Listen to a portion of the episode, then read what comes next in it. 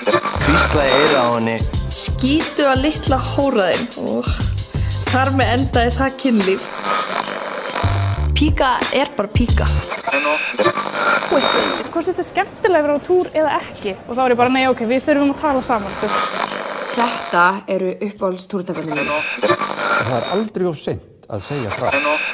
aðalmáli er náttúrulega bara að vera að séu bara góð hvort við annað og, og, og bera virðingu hvort við öðru. Fyrir mér er eiginlega drusla bara gjörsamlega að taka bara algjört vald á einu lífum.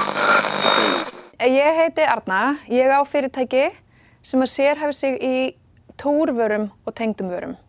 Ég er aðalega að selja túrnærbuksur og túrbygara og svo svona minni hluti tengda því eins og grindabásaðingatæki, sleipiefni, hreinsivörur og þannig lagað. Ok.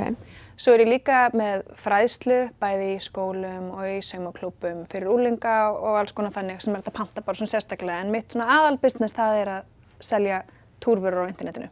Hvað heitir verslunin þín? Verslunin heitir Modibody sem er þá í rauninni sama eins og stærsta vörumerki sem ég með heitir. Það er bara Modi, Body með einföldu í báðum einn og svo er ég líka búð sem heitir Sambúðin og Sambúðin er í eigu fjögur á netversluna, það er semst Modibody og svo eru þrjáraðrar og það sem að saminar okkur er að við erum allar að selja eitthvað svona umhverfisvænt. Og hvar er búðin? Sambúðin er í Sundaborg í Reykjavík. Sundaborg er ótrúlega fyndin staður, þetta er svona rosa miðsvæðis en samt rosalega falið líka. Þetta er sagt, þarna, langa húsið með listaverkunum utan á beintum átti laugarásbjó en það þarf að keira svona aðeins á bakvið til þess að finna þetta. Ég myndi að vera í smá vesinni þegar ég kom í heimsóttíðin síðast að reyna einhvern veginn að Mm -hmm. en þetta Það er á endanum. snúið að finna þetta en þetta er svona mjög í leiðinni einhvern veginn alltaf. Já, einmitt.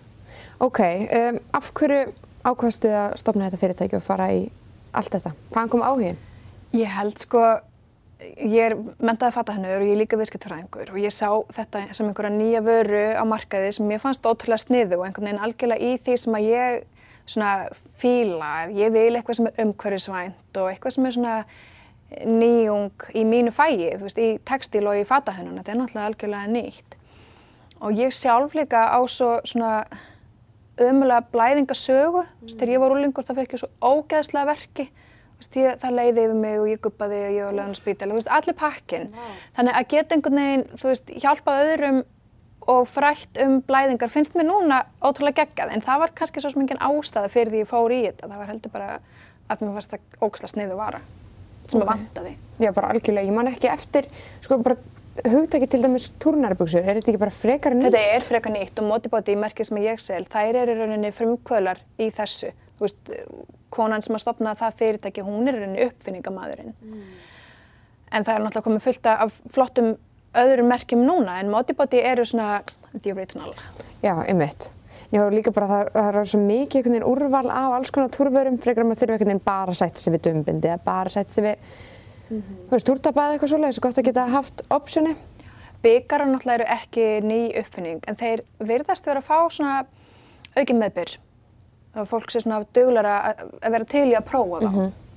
Ég hef myndi aldrei held ég heyrt eitthvað slæmt um túrbyggara. Bara ef, að mannski hefur notað túrbyggar og sagt mér frá því, ég hef aldrei heyrt neitt slæmt um það sko. Mm. Ok, ef ég hef verið að tala við þið fyrst sko fyrir 20 árum, þá hef ég sagt bara að við bjóður þetta ógeð. Já. En ég náttúrulega kunni þetta bara ekki. Nei, Þú veist, ég keipti bara eina byggarinn sem var til á landinu, það var bara ein típa til. One size fits all, bara já, alveg. það var bara alvabyggarinn. Og ég fílaði hann ekki, hann er einhvern veginn ógslag harður og fyrir þetta hann er svona óaðlandi, svona, svona brúnur rákumi, mm. hann er bara ekki næs og ég líka kunni ekkert, ég vissi ekkert hvað ég var að gera.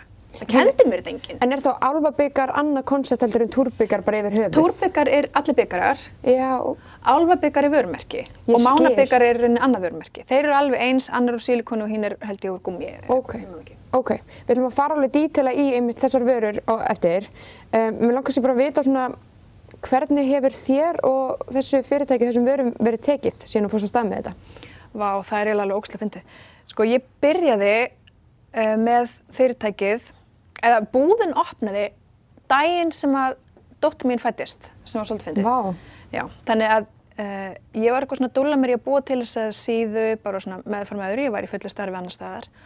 Og svo þegar ég fór í fæðingarólof, þá byrjaði ég að vinna í þessu. Þannig ég kann að búa með tilverkefni og hafa ná að gera. Uh, þannig að fyrirtæki ég gammal dóttur minni Ok. og það er svona kannski skemmtilegt að segja frá því svona frá svona business point of view að þetta byrjaði með 100 ás krónu yfirdrætti. Ég átti engan pening, ég átti ekki raskvætt og ég vann bara á tölvunum minna heima og var með lagarinn bara í einhverjum kössum fram á gangi. Þú veist, eins og náttúrulega þetta bara búið að vaksa alveg rosalega hrætt. Ég var náttúrulega að kynna algjörlega nýtt konsept þegar þetta kom til Íslands. Það var enginn að selja túrnarbuxur á Íslandi. Þannig það var rosa vinna að ekki bara kynna nýtt vörmerki, þú veist, segjum til dæmis ég að vera að selja kremið eitthvað, andlitskrem, ég þurfti bara að segja til um þetta væri geggja gott krem. En þarna var ég að kynna fólki fyrir algjörlega nýju konsepti. Þú veist, túrnarbuxur, hvað er það? Þú veist, þannig að þetta er búið að vera svolítið svona, e, þetta er búið svolítið bratt, en það líka gengur rosa vel. Já. Og ég trúi líka bara með aukinu umræðum umhverfisvernd og stöðu heimsins í dag að þá sé kannski frekar fólk til að prófa eitthvað svona sem er Já. meitt fjölnota. Já, ég finn alveg fyrir því og ég held líka svona að yngri neytendur eru kannski meira á þeirri línu þó að það er samt mínu viðskiptavinnir eru á öllum aldri Ok. en ég held að unga fólki sé svona kannski aðeins meira meðvitað en það má samt ekki líta á það sem eitthvað sko diss við hina eldri af því að það var náttúrulega líka algjör frelsun þegar eina dömbundin komu. Einmitt. Og fólk er sér ekki alveg tilbúið að sleppa því. Ef það virkar vel, þú veist, og ég held líka að fólk hafa kannski ekki endilega vitað hvað þetta var og ég meina plast hafði ekkert sömu sko svona sama neikvæða stigma eins og það gerir núna. Mhm. þú veist þetta var bara allt öðruvísi tími. En það vita heldur ekki allir að dömbindi eru ekki bara einhver bómull þetta er 90% plast. Þetta er í flestum svona ef að dömbindi er ekki mert sem eitthvað svona sérstaklega umhverfisvæn þá eru þeim svona cirka 90% plast og það er í þeim sama efni eins og þú sér stundum kannski þú kaupir þú veist, fína tösku eða eitthvað að þá er svona lítill póki með svona kúlum sem að draga í sig já. það er í dömbindum Nei. og svo náttúrulega bara alls konar og það sem er svo skeri það sem er svo skeri við sko dömbindabransan er að að þetta flokka sem lækningavara þá þarf ekki, að minnst ekki bandaríkjum, ég er ekki alveg veist hvernig það er hérna, þá þarf ekki lögum samkvæmt að segja hvað er í þeim. Það er skeri. Þannig að þú getur sett hvað sem er í rauninni og ég held að þetta efni, þú veist þess að þetta efni sem að dregur svona mikið í sig, það, það er bara ekki gott fyrir líkamann. Sko áður en ég kynntist um eitt turnarbúsunum, þá notaði ég stundum dömbindi og þá, ég held bara ef ég, ef ég verið að sleppa við að kaupa eitthvað sem að væri með einhverju blómalikt eða eitthvað, þá væri þetta bara svona nokkuð ágætt fyrir mig, ég veist ekki vera að setja 90% plast við klófið á mér, sko. Nei, einmitt. En Það er, ef þau eru ekki mert, ef þú veist, þetta er náttúrulega, ég kannski svolítið að generalisa, en þetta er þjóðarbötareglan. Ef þau eru ekki mert sem svona sérstaklega umhverfisvæn, að þá eru þau úr þessu efni. Gott að vita þetta, ég vissi þetta ekki. Ég var að fara kannski bara svolítið í, sko, ok, ef að fólk er að hlusta inn á Spotify eða í podcast-appinu eða eitthvað svoleiðis, þá erum við með vörur hérna á borðinu sem Arna kom með til keflækur og við ætlum að reyna svolítið að fara yfir það sem við erum með hérna og sína kannski bara svona mismunandi gerðir á túnarbúsum, mismunandi gerðir á byggurum, við erum hérna með flottan sundból og hvað blöytpoka og ímislegt. Þannig ef að fólk er að hlusta mm á þessum stöðum og sér okkur ekki, þá mun ég byrta þetta líka inn á YouTube. Þannig að þið getið bara dempað ykkur yfir núna á YouTube og hort þar, en ég mun eflust líka posta þessu inn á fóðut Instagrami. En við byrjum kannski bara á því að fara hans í túrnarbúsunar, sem að sko ég fæ rosalega mikið af spurningum um. Fólk er einmitt svolítið ennþá, einmitt kannski að hoppa vagnin, en það, þú veist, það er ekki komið á vagnin, endilega allir sem ég tala við og fólk svona er að reyna að skilja þetta. En fólk er svona mjög frótt og hérna er svona vill, vill skilja þetta, segi ég. Þannig kannski að við förum aðeins bara í grunninn, hvað er hvað eru túrnarbúsur, Arna? Túrnærbuxur eru bara alveg eins og vennilega nærbuxur í útliti. Þetta er bara eins og nærbuxur og þú finnir ekkert fyrir því að þú sért í neitt öðru heldur en bara vennilega nærbuxum. En hérna inn í klóðbótinni, ég tek bara þess að svona, Er þetta bómyndunarbúsur eða? nei, það, semst, efni sjálft hérna er úr bambus sem kemur úr sjálfbæri ræktun. Ok. En það er náttúrulega bara í þessu vörmerki, það getur náttúrulega verið öðru í öðrum vörmerkjum. Og inni hérna í klóðbótinni er svona stykki hérna það sem kemur næst húðinni er meirinn og öll nema það er, það er til vegan típa líka, ekki er undir öllum sniðum og þá er það mikrofíber. Ok. Uh, og inn á milli er síðan þessi tæknilegi tekstíl sem er það sem að dregur í sig og heldur á þess að leggja í gegn. Og það er bara einhver secret formula sem að, sem að Modibody er með enga leifi á og ég veit ekki einu sinni sko nákvæmlega hvað það er. Uh, og það er rauninni sko, sn- snilldin í þessu. Veist, þetta er bara svona innbyggt í buksunar og þú þarft ekki að spá í neitt. Þú bara ferði í nærbuksunar eins og velja nærbuksur og svo bara lætur vaða beint í brækunar og hendi eins og í þóttavélina. um, algengasta spurningi sem ég fæ Já. er virkar þetta í alvörunni? Já, einmitt. Og við vitum það alltaf báðar að þetta virkar í alvörunni. Já, ég held það- að myndi bara leka. Nei, einmitt. Og það lekur ekki í gegnum buksuna sjálfar. En þær getur náttúrulega ekki tekið við endalösu magni. Og ef það eru bara orðnar mettar, að þá getur lekið svona með fram hliðunum. Út í Og- saumana bara. Já, svona út í saumana. Og svo get, gæti líka lekið sko upp fyrir. Sérstaklega ef að uh, þú kannski ferður rosalega þungablæðingar og svo kannski sefur á maganum, þá getur lekið svona fram fyrir þetta, þetta rakadraga. Ok. Þú veist, Það, það getur komið fyrir. En hjá langflestum þá gerir það ekki og þú ert með fljót að finna bara svona þitt tempó í þessu. Þú veist, hvað þarf þú mikla rakadragnu, hvað þarf það að skipta oft og svo leiðis. En þú, það er algengt að fólk sé að nota svona eins og tvær til þrjá ára sólarheng. Það er svona mjög típist dæmi en það er náttúrulega líkamar og fólk er alls konar þannig að það er ekki kannski einhver algjör regla. En þá er þetta ofta bara ein til tvær yfir daginn og svo Og sofa í annan. já, Það, það væri svona típist dæmi. Eh, kannski ein fyrir vinnudaginn eða skóladaginn og svo ein fyrir setnipartun og kvöldið og svo ein fyrir nóttuna. Ok. En ef það eru miklu blæðingar, þá myndi ég alltaf mæla með því að nota byggarinn á þingstu dögunum og buksuna bara sem backup. Já, nota sem á sama tíma byggar og brækur ef Já. á þessu miklum. Já. Ok. Og um, ef að það er einhver sem getur ekki byggarinn eða eitthvað, þá náttúrulega er hægt að tappa með, en ég mæla ekkert sérstaklega með því. En það er raunin alveg sniðugt. Ef þú ert með rosa þungablæðingar og myndir vera að þurfa að skipta óbáslega oft um nærbuksnar, þá er það náttúrulega leðilegt. Veist, og þá myndir nota byggarinn frekar með.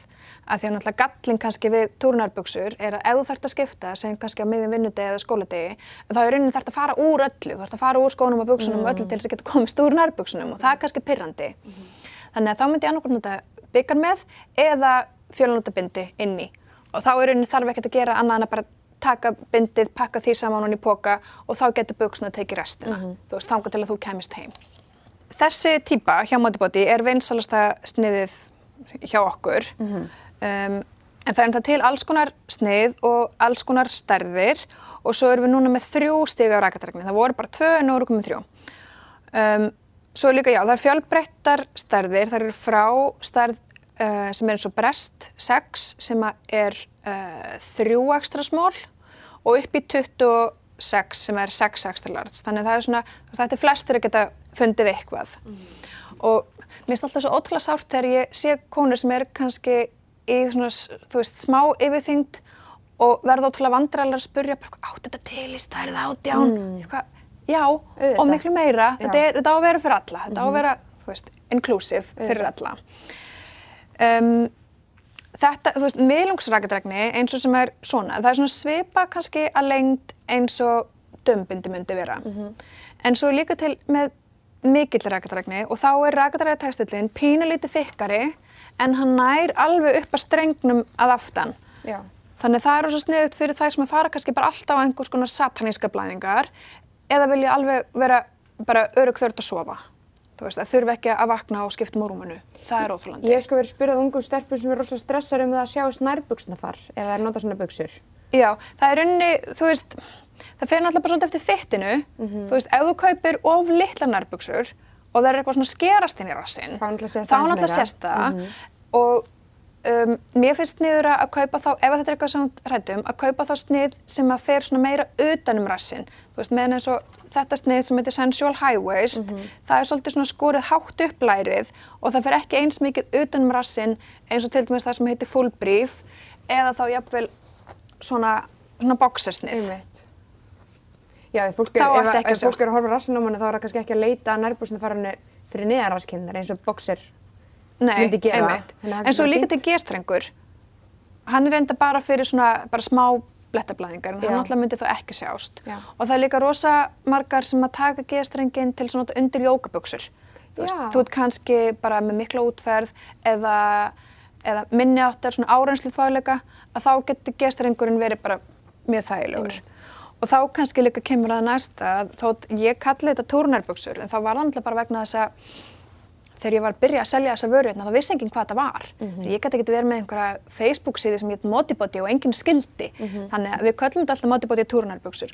en það er náttúrulega að taka við öllum vökva. Einmitt. Þannig ef þú ert með minniháttar þvægleika sem að er bara alveg ofbóðslega algengt og sérstaklega hjá bara fólki með píkur, um, þá gæti þetta tekið svolítið svona stress úr þínu daglega lífi. Mér finnst mér þess að pínu pyrrandi þegar ég er búin á blæðingum að vera einhvern veginn, á núna þurf ég að fara í aðra nærbyggs. Já, nei, ég fyrir bara í fílu ef ég þarf að fara í aðra nærbuksur. Já. Ég er ennþá að að sapna mér til þess að eiga, þú veist, og þurfa aldrei að fara í vennilega nærbuksur. Já. Bara, ég, bara fyrir vondskap. Já. Ég bara í svona. Þetta er ekki, þú veist, þetta eru, þetta eru flottar nærbuksur. Það er hægt að, Mhm. það er hægt að púlla þær bara, þú veist, hvenar, hvenar sem er á, á hérna tíðarhingnum. Mhm. Þannig einmitt, ég þarf alveg bara að fjárfesta í fleirum og, og geta verið í þessu bara, einmitt, Það sem að vantast undir minni í þessu umræði, það er einmitt þetta með þvægleikan því það er svo ofbóðslega algengt og ekkert bara endilega hjá einhverjum gömlum konum. Nei, nei, einmitt. veist, til dæmis bara flestar konur eftir fæðingar þurfa að styrkja sig upp aftur til þess að koma í veg fyrir þvægleika. Mm Ég gleymi ekki þegar ég fór á trampolín fyrsta skipti eftir eignast bad. Jésús. Ég er ekki annað búin að upplifa þetta en ég hef heyrt, heyrt sögur. En þetta er einmitt svona rosa eitthvað tabú. Já, þetta er, þetta er miklu um meira feimnismál heldur en blæðingarnar. Já. Þú veist, það vill enginn segja einhvern veginn, já, ég er með svolítið þvæguleika. Nei, Það langar engan að tala um það. það Meira þú leifilegt að vera á blæðingum, þó það séu þetta líka Já. pínu tabú ennþá, en svona. Já, en ekki eins mikið einhvern veginn öðruvísi. Já. Þú veist. Njó, líka mér bara, þú veist, að tala um útferð, finnst mér líka bara ennþá að vera svolítið tabúin, menn það er þetta að nota þessar nærbúsu bara við útferð. Já, ég, ein af sko uppáhaldssögunum mínum úr þessum bara business er, ég fekk símtal frá, uh, frá föður sem átti unga stelpu í fimmleikum og hún var með svo miklu útferð að það sást alltaf í gegnum fimmleikabólinn mm. og henni fannst það svona svo hræðilegt. Þannig að elsku pappi fór og leitaði og fann þetta og ringdi í mig og þurfti að fá ráðleggingar og allt og keifti sem sagt túrnarbuksur á 11 ára stelpunum sína sem var með svo miklu útferð. Og bara mér hlýnaði svo eitthvað í hjartanu að þessi stelpa skildi geta sagt hafi pappa sinn að hún væri með svo miklu útferð að þetta væri vandamál í fimmleikum Þú veist, og hann bara fór að redda því, þú veist, hversu geggja, ég fyrir bara að skæla mér Ég svo sætt. Ég veit það, ég fyrir að skæla mér, það er sko sjúklega fallegt. Vá, uh, og einmitt, kannski bara gott að nefna að eins og úlingalínan sem við erum með, Red, uh, fóreldrar geta panta fyrir börni sín. Já, auðvitað, og það er náttúrulega rosa, það var einmitt bara í sambúðinni núna áðan, þá var kona að kaupa fyrir þá semst stóru stelpunum sína og svo fyrir litlu líka, þó svo hún var ekki byrjuð á blæðingum, hún vildi bara sína henni hvað þetta væri auðvelt Já. og leifinni kannski líka bara prófa að fara í nærbúksnar og finna bara að þetta er bara er eins og þetta, nærbúksur og kannski fyrir líka stelpur sem að er að byrja rosalega ungar á blæðingum. Það er vilja ekkert, þú veist, þú ert kannski 11 ára að byrja á blæðingum. Þið langar ekki að þurfa að hugsa eitthvað um þetta. Það er miklu Mm. betra ef fóreldri getur bara kannski svolítið hjálpa þér og 11 ára krakkin þarf þá ekkert að gera annað en bara færa nærbúsnar og mamma sér þá bara um að þvó. Einmitt. Þú veist, þannig að hún ákveður þurfa að spá neitt. Ekkert þurfa að vera með eitthvað túrtabáð, dömbindi, eitthvað auka, heldur bara að þetta sé option. Einmitt, eða vera eitthvað laumast með dömubindi, þú veist, Já. krakkar eru náttúrulega bara ennþá að gera það. Einmitt. þú veist, og eitthvað er nú svona rífa það eða hægt inn á klósiti þannig að enginn heyri Já. þú veist, það veit allir hvað það að gera Akkurat. en skilur, samt eru krakkar ennþá að þessu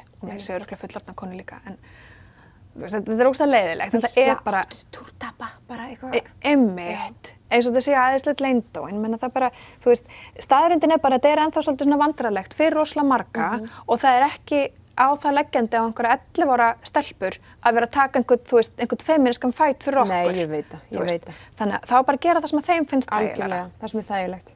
Og einmitt, ef, að- ef að fólk er að nota sko um, dömbindi og túrtapa og er eitthvað svona, þú veist, mér finnst þetta bara þægilegast og ég nenni ekki að vera að pæla ykkur svona umgjörðu lala, eitthvað svona, að þá, það sko sem komið svona mest á óvart, það sem heitlaði mig mest eila við þetta var að ég heyrði að bæði túrbyggarar og túrbrækur um, væri ofta hjálpað til við það að túrverkinir eru þau minni.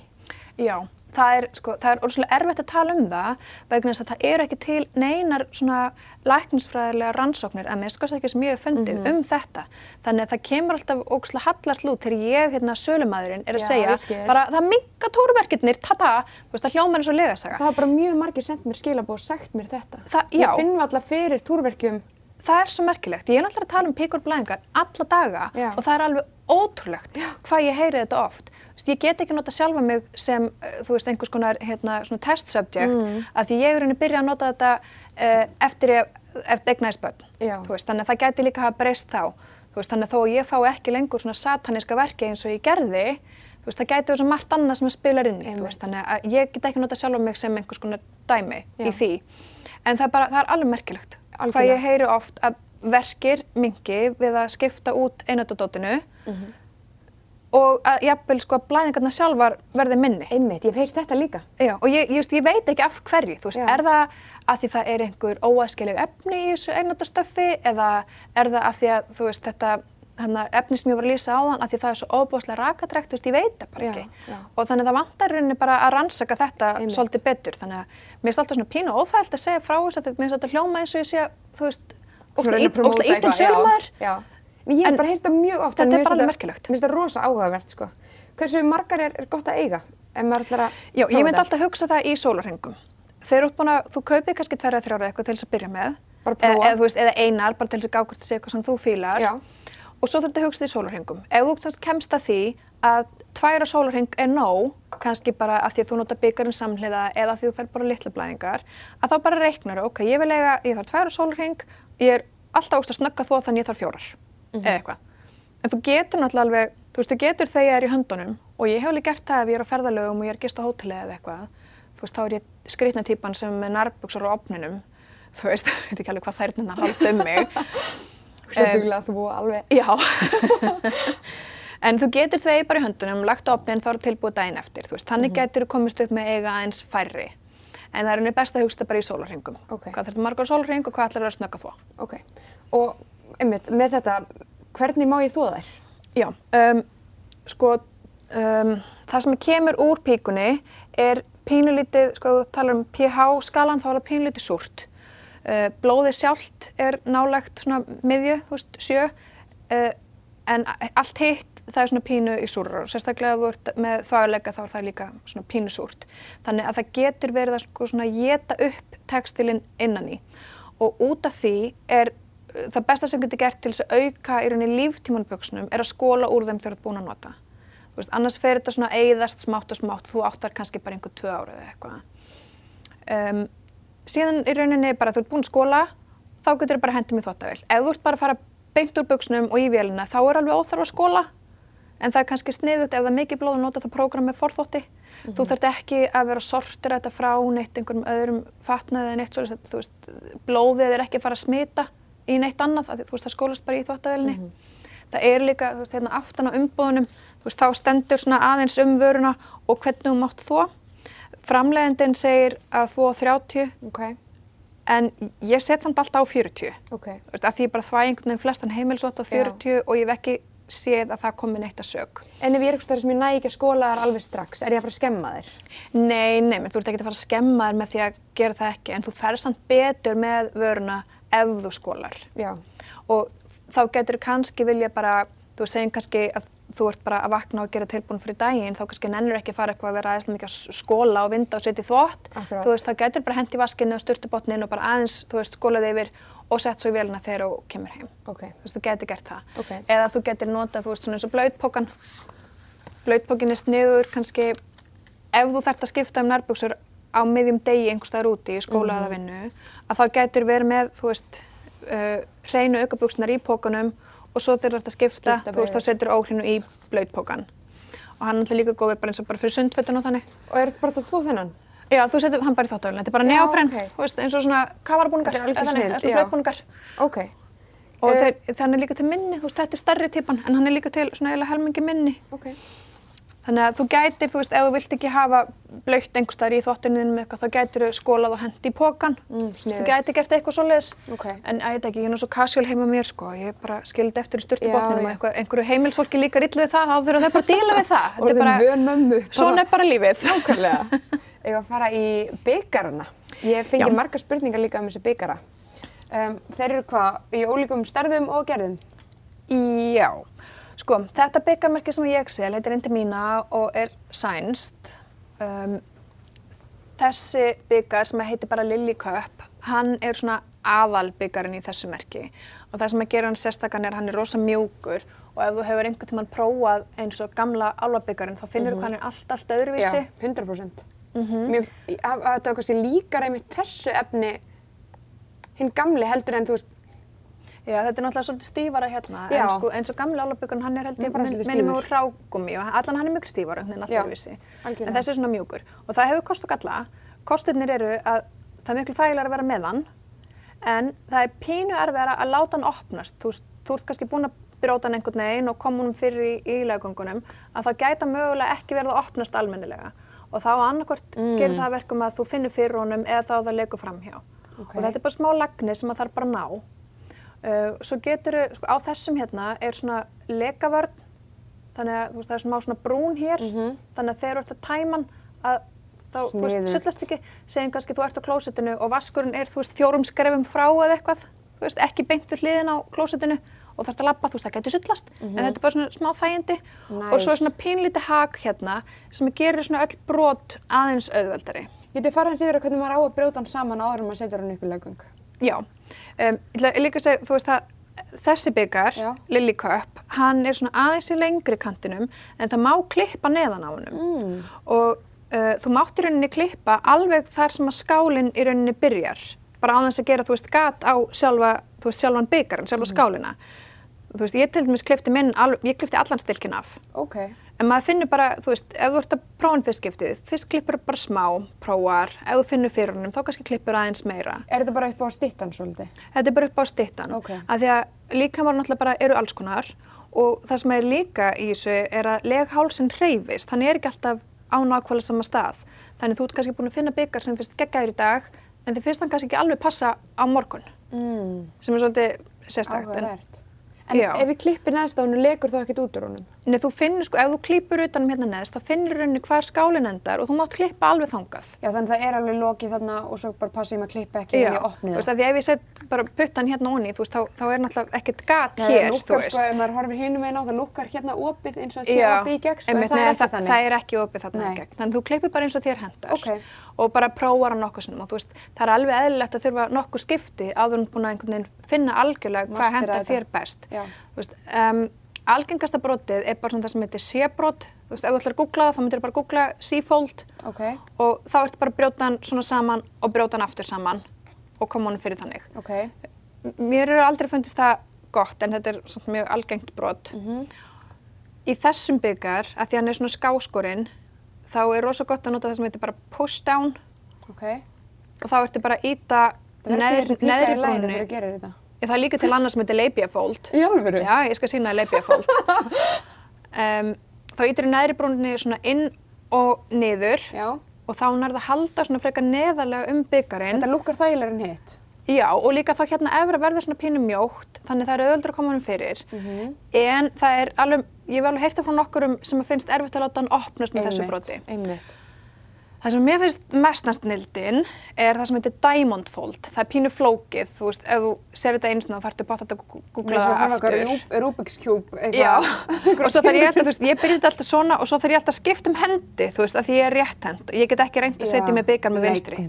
Nei, ekki sjens. Þannig að þetta hérna heitir Diamond Fold. Getur þú sínt þetta hægar eða? Er Já. það möguleiki? Þá er Greið fólk sem að hlusta okkur í podcastinu Já. núna. það brýtur hann svona uh, niður, Já. helm, efri helmingin brýtur niður og svo tekur svona og þessa vangi hérna Já. og festir þá svona utanum. Ég skal setja þetta líka, ég skal taka upp svona hérna, close-up já. og senda þér. Til, já. Ok. Og þá, sko, þegar þú ert að setja hann inn, að þá ertu að hjálpa honum að opnast Ah. þegar þú ert að íta honum aðeins lengra. Og þetta, þú veist, þó þessi mjúku byggar, þá er þetta alveg foolproof.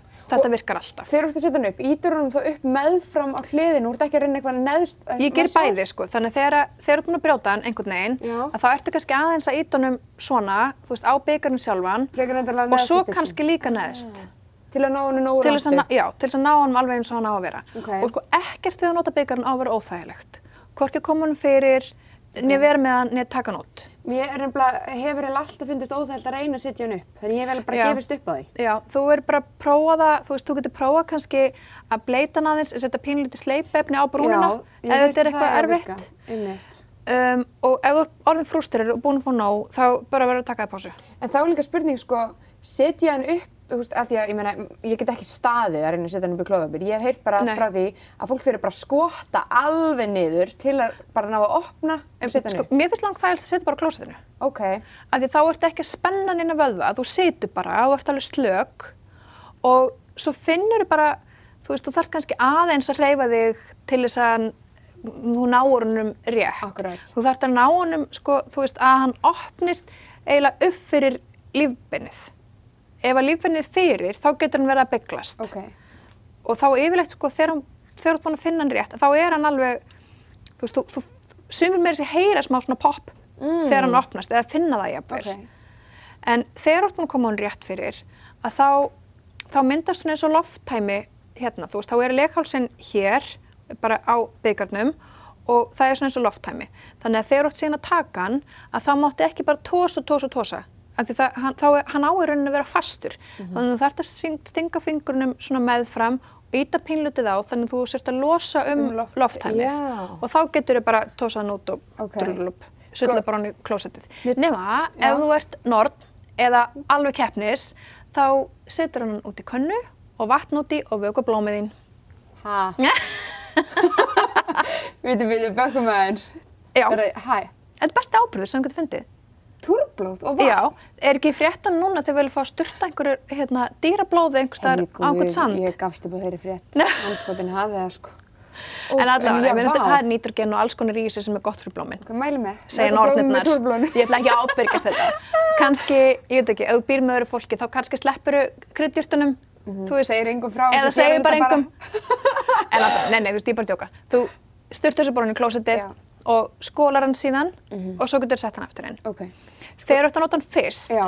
þá þarf þetta að sjóða og svo kannski í lóktíðarhingsins eða í byrjun næsta, þá síður hann aftur. En svona Ok. á milli bara þegar þú ert að tæma hann og setja hann aftur, þá ertu bara að skóla. Þarf ég að hafa hann lengi í sóðinu vatni eða bara rétt Nei, nei, aðeins bara, að- þú rættir bara að búbla í fimm Já. og ó, ég hætti að koma með svona, þess, eitt svona triks er að tróða byggarnum inn í svona, hvað heitir það, svona písk. Já. Þú veist, eins og þú ert að hræra eitthvað. Nei, já, Nei. já, já, bara hræra hann sjálf. Já. Já, Já. þú veist, sem er svona eins og svona net, þú veist, að þá treður byggarnum inn í það, Mhm. það því þá liggur hann aldrei á botninum á hérna, pottinum. Þannig að ef að það þurrsýður, þú veist, og allt vatni Mm. Aldrei bara gufur upp eitthvað, þá, þú veist, þú gerist ekkert að þetta er þarna inni. Og þetta er bara til að sóttrinsa hann Að til að sjóða hann. sótthreinsa, Og þá já. í byrjun blæðinga og eftir blæðinga. Þarf ekki að gera þetta hverjum degi í blæðingum? Nei, þú ert ekkert að gera þetta hverjum degi. Nei, ok. En það er alveg sniðut kannski, þú veist, eftir daginn eða eitthvað að kannski skólan með smá bara einhverju mildri sápu og svo bara láta skóla rosa vel. Þú veist, þú vilt ekki fá sápu inn í píkuna. Einmitt. Þú veist, þannig að þú ert bara að passa að vera búin að skóla Ok. og nota bara einhverja milda góða sápu. Mhm. En þú veist, þú bara skólar og bara setur kannski fingurinn svona inn í skálina og passar það að sé, þú finnur ef það er, þú veist, að blómin, blóðið er, veist, allt svona svolítið slímugt. Já. Og það túrblóð er náttúrulega ekki bara blóð, veist, það er svo margt annað. Þannig að það er svolítið slímugt og þú bara skóla vel þannig Mhm. til þú finnur þetta sé orðið svona squeaky clean inn í. Ok. Eitt sem ég var, sko, mér tók successfully að setja byggar uh, upp í lagungum daginn, en þá var ég bara, ég tók hann eða strax út að ég var svo hrættum um myndi tínunum. Ég veit að það er ekki possible, en nei. ég var bara, ég er ekki að fara að ná þessu aftur út. Nei, Þannig ég bara tók hann strax aftur niður. Hvernig til dæmis, þegar maður er búinn að vera með hann í ykkur tíma, hvernig nærum maður hann aftur út? Já, sko það, e, það versta raunin sem getur gert er að fara í eitthvað panikkast. Ég var Af því bara, þá náttúrulega bara stífnar öll og þá verður allt miklu erfiðara. Um, Ég held að hann væri bara upp í heila, sem ég veit að er ekki möguleiki. Nei, þú veist, en þetta er samt rosa algengt og þú veist, þegar ég er að tala við úlinga sérstaklega, þú veist, þá segi ég alltaf frá það, þú veist, hann getur ekki týnst, hann getur ekki farið, þú veist, upp inn í leið, Nei. þú veist, það er alveg lokað nema þegar þetta fæða bann, þú veist, hann fer ekkert lengra heldur en hann á að fara, en Pínu huggun í því, þetta er aðeins annað en endaþarmur. já, hann getur ekki sogast inn orðið fastur, veist, það er ekki svoleiðis. Já. um, þannig ef þú, ef þú finnst kannski segjum þú ert búin að klippa og sérð eftir því að því að þið finnst erfitt að ná hérna í stilkinn til þess að ná honum út þá, þarf, þá myndi ég bara byrjaði bara að muna það að það er ekki tættulegt að fara að gerast þannig að þú getur slakað á setja síðan bara á klósettið og bara svona aðeins að rempast þannig að þú setur að nota grindabásvöðuna til þess að ít honum aðeins niður. Ég hugsaði það ekki einu sinni. nei, emmitt og þá ættir að finna fyrir honum. Ok. þú veist, en annars bara býður, þú veist, ég hef alveg talað við fólk sem bara fer í algjört panikast og ringir á læknavaktina og, og bara eru frík út yfir sem það er náttúrulega það versta sem þú getur gert. Þú veist, um leið og verður all stíf, þá verður allt ógstlega erfitt. Og kannski þarftu bara, þú veist, aðeins að, þú veist, taka í pásu og fara að gera eitthvað annað í nokkar myndur og svo bara koma aftur. Já. Og þú bara, þú getur bara bleitt fingurna eða sett sleipefn á fingurna eða finnst þetta allt eitthvað ógstlega erfitt. En ef þú bara svona aðeins rempist, þá ertu að ít honum aðeins niður. Og hann mun alveg koma og þú bara muna að það er ekkert hættulegt að fara að gerast. Ok. Sko ég hef heyrt svolítið bara svona í umræðinni að fólk heldur, ég býst svolítið við því bara, ég meina, er fyrir bara blóð út um allt, ef ég er fara að taka þetta út, er bara fara að mm. skvettast blóð út um allt, er þetta fara að vera ógæslega mikið blóð og ég held ég við lesið hérna á mótibóti síðunni að þetta væri ofta ekkert alveg, já mikið og fólk heldur. Nei, sko, sko byggarinn getur alveg orðið fullur á Já. einum degi, menn hann getur verið fullur frá, þú veist, mótni bara til háttegist, þú veist, það fer bara eftir flæði hjá hverjum og einum. En það fer ekkert út um allt, sko, og líka af því að þegar þú ert að blæðingum, þá er ekki bara, þú veist, stöðugt fló, þetta kemur í svona gusum, þannig að og þú bara situr bara á klósettinu og ef það er eitthvað að fara að sullast, þá sullast það bara í klósettið Einmitt. og í verstafalli á hendurnar á þér. Veist, það er ekkert verra að fara að gerast heldur en það Nei. en þú bara, þú bara tæmir hann og bara styrtar úr hannum bara milli læruna og inn í klósettið Mhm. og ef að þú þarft að, þú veist, ef að vaskurinn er ekki bara svona að hann getur teikt þig að þá kannski þarft að skeina þér og lappa Einmitt. vaskinum og skóla og koma svo aftur og þannig getur verið glata eða þú ert kannski á almenningssalefni Mhm. og verður að skipta akkurat þá að því þú ert ekki aðstöðu til neins annars. Mhm. Ég meina, mm, það er alveg pínu vesen. Um, ef þú ert í svoleiðis aðstöðu, þar sem að vaskurinn er frammi og þú treyst þér ekki til þess að bara skeina þér fara fram og leifa allum að sjá þú veist, hvað þú ert að gera, einhverjum getur kannski fundist það óþægilegt, að þá bara hellir úr honum og setur hann bara beintinn aftur en skólan svo bara betur næst þú veist, þannig kannski ekki gera þetta alltaf En það er kannski allt í lagi, já, já, sinni, einu sinni. já, já, það er allt í lagi en, en þú veist, ekki gera það alltaf Ég las það heldur, lí- held ég líka hjá þér með að passa er á skólan í vaskinum og setja ekki ómikinn kraft þannig að Ó, skvettist ekki já. allt út um allt. Einmitt. Þetta er náttúrulega skál og ef þú setur bara vatn Bara bara, þú veist, já, það er ein, einmitt eins og þegar þú setur skeið undir og það bara spýtst um allt. Já. þú Það getur pinglata. Já. Þannig, nei, nei, skóla bara með bara svona lítilli bönnu. Ok, en hversu oft á ég að tæma hann á skóla Þú, þarft- og... þú mátt vera með byggar í 12 tíma á þess að taka hann út. Max, ekki lengur heldur en það. Og ég mun bara finna ef það er að fara að leka, þá er hann greinilega kannski Já, orðinn sko, fullur eða ef ekki hann er rétt orðinn settur. fullur, þá fer að leka, þá losnar um lofthæmið og hann fer að leka niður Mhm. og þá finnur það. Og sko, þú, þú finnur líka, það er eitt kannski sem ég glemt að nefna á þann, að byggar, hann á að setja svona svona, hvað er þetta, þú veist, 1,5 cm frá leganga opi, meðan þú ert kannski vönn að tappa sem er alveg svona svona, kannski 4 cm frá leganga opi. Mm. Þannig að þú, ekki, þú þarft ekki að ná honum eins langt upp eins og myndi gera með tappa Ok, um, að því að ef, að ert far, ef að þetta, þú veist, stilkurinn, ef hann er of neðarlega, þá finnur alltaf fyrir honum þegar þú ert að hreyfa þig. Mhm. Og þú átt ekki að finna fyrir, þú átt ekki, þú bara, þú átt að gleyma því í rauninni að þú sért með hann. ok. Og það kemur alltaf. En ég hef alveg talað við fullt af fullorðin fólki sem er að nota byggar og búið að eiga börn og stundakinnlíf og alls konar og kann alveg á líkamann en finnst þetta samt erfitt og þarf kannski alveg þrjá tíðarhingi í að ná þessu en svo þau eru búin að ná þessu þá skilur við hvernig þú kannski lifa án hans Nei. og þetta er náttúrulega ódýrast og umhverfisvænast af öllu sem þú getur notað. Einmitt. Þú getur notað eitt svona byggar í kannski svona 7 til 10 ár Já, meðan að, þú veist, hvað verður að nota mörg dömbundi að ég túrta á veit þeim að tíma? þetta Þú er veist, það sjúklega mikið, sko. Já, einmitt. En svo er líka til þessi byggar, hann heitir Lillicop One og þetta er byggar sem er hannar sérstaklega fyrir byrjendur. Ok, Og hann er sniður vegna þess að þú getur sko þjappa hann svona saman, hann svona fellur inn í sig sjálfan ok. og kemur í svona pínleitli boksi, en það tók ekki slúst með mér. Mhm. En það lítur bara út eins og svona, svona kringlótt varasalabóks eða eitthvað. Ok. Þannig að þú gæti þessna bara haft hann alltaf í töskunni eða þessna sett hann í vasan eða eitthvað og bara haft hann tilbúinn. Og byrjandabyggarinn, hann er, þú veist, hann er svona pínleitt stífari, þú finnur Mhm. heldur en hinnir, þannig að það er aðeins auðveldar að láta hann opnast. Og svo er svona þessu greipi likja en ekki bara tóta. Svo maður klippir það ekki. Ég, þú getur gert það ef þú vilt. Já. En ef þú að ert kannski, já, ef þú ert kannski að prófa þetta í fyrst skipti eða eitthvað, þá getur verið svona þægilegra. Mhm. Þú veist, þú ert kannski bara 12 eða 13 eða eitthvað og finnst þetta bara allt eitthvað svona pínu erfitt. Og svo er líka svona greip rendur þannig að þetta náttúrulega verður allt svona slímugt og sleift. Mhm. Að þá getur verið þægilt að hafa svona þessar rendur hérna til þess að eiga auðveldar með að ná hann á mót. Ok. Og hann er líka aðeins minni. Já, einmitt. Þessi hérna er líka samanbrjótanlegur, hann heitir Lillicup Compact. Hver er munurinn á þessum með hinnum? Lillicup? Compact, já, munum það á Compact og One er bara að One, semst byrjundabyggarinn, hann er minni og aðeins stífari og með grip likju. Já.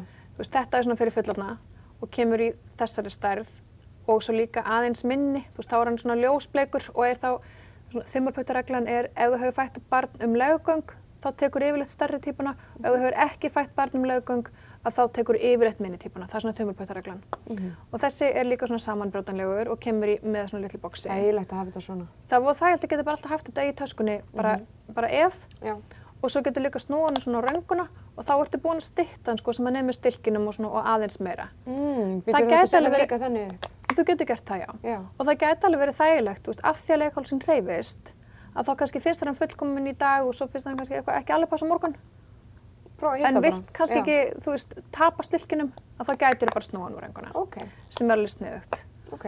Og með þennan þá þurftu bara að passa að ef þú ert að íta honum lengra inn, að ekki íta bara á stilkin, sko, það getur verið svona bygglan. En það er bara lagnir sem maður nær bara mjög fljótt. Ok. Þú veist, Það er ekkert mál. Mér finnst þessi efsti rosa áhugaverður í læginu. Já, þetta er sem það sem heitir, eða við kallum þetta tíðadisk og svona hefur verið á markanum mjög lengi sko, sem einnota. En Indimína var í rauninni fyrsti fjölnota svona tíðadiskurinn og þetta er svona, Má ég finna? þetta er svona í læginu svipað eins og hettan en þetta er alls ekki getnaðvörn og það má ekki reyna að nota þetta í staðinn fyrir getnaðvörn. um, Já. það sem að er með þennan að það náttúrulega er engin svona, svona stilkur eða tittur eins og á hinum eða svona venjulegum byggurum. Þannig það er hægt að nota þannan í kynlífi með tippi af því það er ekkert svona sem að, þú veist, geti meitt. Og þennan þá brýtur hann bara svona í tvent og stingur hann þannig inn í leggöngin og svo fylgir hann á eftir hérna og þessi brún liggur svona eins og ofan á lífbeininu og þessi aftari brún hún fer svona utan um leghálsinn. Ok. Sumum finnst þetta bara miklu þægilegra. Það er alveg til fólk sem að nær bara ekki byggarnum en finnst diskar góðir. Ok. Þeir hafa ekki allir sama líftíma af því að sílikonið sem er í þessu er rosalega þund. Þannig að þú ert að nota svona kannski tvö ár meðan þú ert að nota hinn kannski, þú veist, já, sjö pluss. En mörgum finnst þetta bara þægilegra og náttúrulega það má nota hann í kynlífi með teipi. Ok. Er það ekki hættulegt? Að hann fari eitthvað oflangt eða er verið að ná hann út eða eitthvað eftir á? Byggarnum með teipinu. Já, nokkulega. Byggarnum. Bikarnum, Vonandi nei. að maður náði Sko. teipinu öfullega út. Uh, ég held að meina hvort það var vant við hættulegt fyrir teipið. Nei, nei, nei. Bara fyrir, Nei. já, einmitt. Um, sko það er smá lagni að ná þessum út það er ekkert svona til þess að tósa í. Já. Þú, hann situr svona bara inn í líkamannum og þá þarftur hann að setja fingurinn inn í legungin og kraka hann svona niður. Og þá þarf bara að passa, bara gera bara sitandi bara á klósitinu og ef það sullast, þú veist, það er bara að fara í klósitið. Þú Veist, það er raunin svona það eina sem að gæti verið eitthvað erfitt með þennan. En bara þannig skilja rétt, þá ef ég verði að fyrst um kynlíf á blæðingum, þá geti þetta komið í vekk fyrir að kemi blóða meðan kynlífinu stendur, ef ég nota þetta með. Já, af því þá sapnast blóðið bara í þessa skál í rauninni og fer ekkert út um allt. Það en þú getur kannski vel. vilja nota sleipi efni þá með sem, ef þú ert ekki vön að gera það. Já. Af því að ég mynd, þú veist, heyrta að sum segja að það veri graðri á, á blæðingum Já. og ég mynd líka að hérna, fullnæðingar getur oft hjálpað við túrverkjum. Já, það, er, sko, Um, það er bara svo rosa mísætt. Sumir finnst bara rosa gott að stunda kynlíf á blæðingum. Einmitt að það getur hjálpað til með verkjana, Mhm. meðan það eru kannski bara get ekki hugsa sér. Finnst það bara, þú veist, já, tilhugsun. já. Og svo er líka bara fólk sem að nenni ekki að því að nenni ekki að fara blóð út um allt. Já. Að það eitt og sér er bara ókslega mikið turn off. Einmitt. Þannig að þú þarfst ekki að spá í það með þessum. Áhugavert. En þú veist, það er ekkert sem segir þú verður að nota svona ef þú ætlar að stunda kynlíf á Nei. blæðingum. Veist, hvort já, og hvernig það er bara og hvað þú hvað og- fílar. Já, algjörlega. Um, já, eitt sem við langar að fara yfir hérna, þú ert með sundbólina á borðinu. Já. Um, af því að ég fæ oft frá ungum krökkur sem er að spyrja hvort þið megi fara á sund, nei, í sund á blæðingum. Mhm. Og ég held að sé, einmitt, þetta er eitthvað sem ég vissi ekki, um, mítan að blóði hætti að leka meðan maður er í sundi. Hvað segir þú um það? Þetta er náttúrulega bara mýta. Já, Það hættir ekki að blæða þegar þú ert í baði eða sundi. Það gerir það bara ekki. Þú veist, hvort að vatni veit einhverja smá mótstöðu, þú veist, Ég ég, veit ekki, ég veit ekki alveg með það, Já. en þú getur bara að prófa það næstur þetta túr, það færi bara bað og þú bara ítir aðeins, þú bara rempist Einmitt. það mun Bara koma út. óvart eða Já. óvart, Eða bara- bara að reyna óslega mikið á því skriðsundi. Er kannski ekki það stíft. Það sé bara eitthvað, nei, Nei, bæði vögvi og eitthvað. það mun alveg, Ok. þú, þú getur alveg ítt því út og það er ekki að fara eitthvað að stoppa. Er að koma bara góð gusa þá kemur hún. Einmitt. Um, og til að- hvers er þá þessi sundbólur? Sundbólurinn er er með svipuð efni hérna inn í klófbótinu eins og er í túrnærbuksunum. Þannig að það legur ekki hérna í gegn, þannig að þú getur notað hann á litlum blæðingum. Ok. Hann tekur ekki við svona miklu eins og sko, túrnærbuksur með svona miðlungs eða mikill rakadragni, en gæti verið fínt svona veist, á, á litlum blæðingum. Ég er sjálf búin að prófa, þú veist, Motibóti gerir líka svona, þú veist, í fullanstærðum, við erum ekki byrjað að selja hann, ég er búin að fá að prófa hann og hann virkar alveg á svona litlum blæðingum og svo rauninni bara ferði með þetta alveg eins og buksnar, þú bara skólar úr þeim. Já. En þannig að það ætti líka, ég meina, ef, að- ef að fólk kýsa að fara með túrtappa í sund, Já. þá getur þetta kannski verið meira safe líka ofan Já, á það. sem svona smá backup, eða þú getur Já. líka nota byggarnisundi.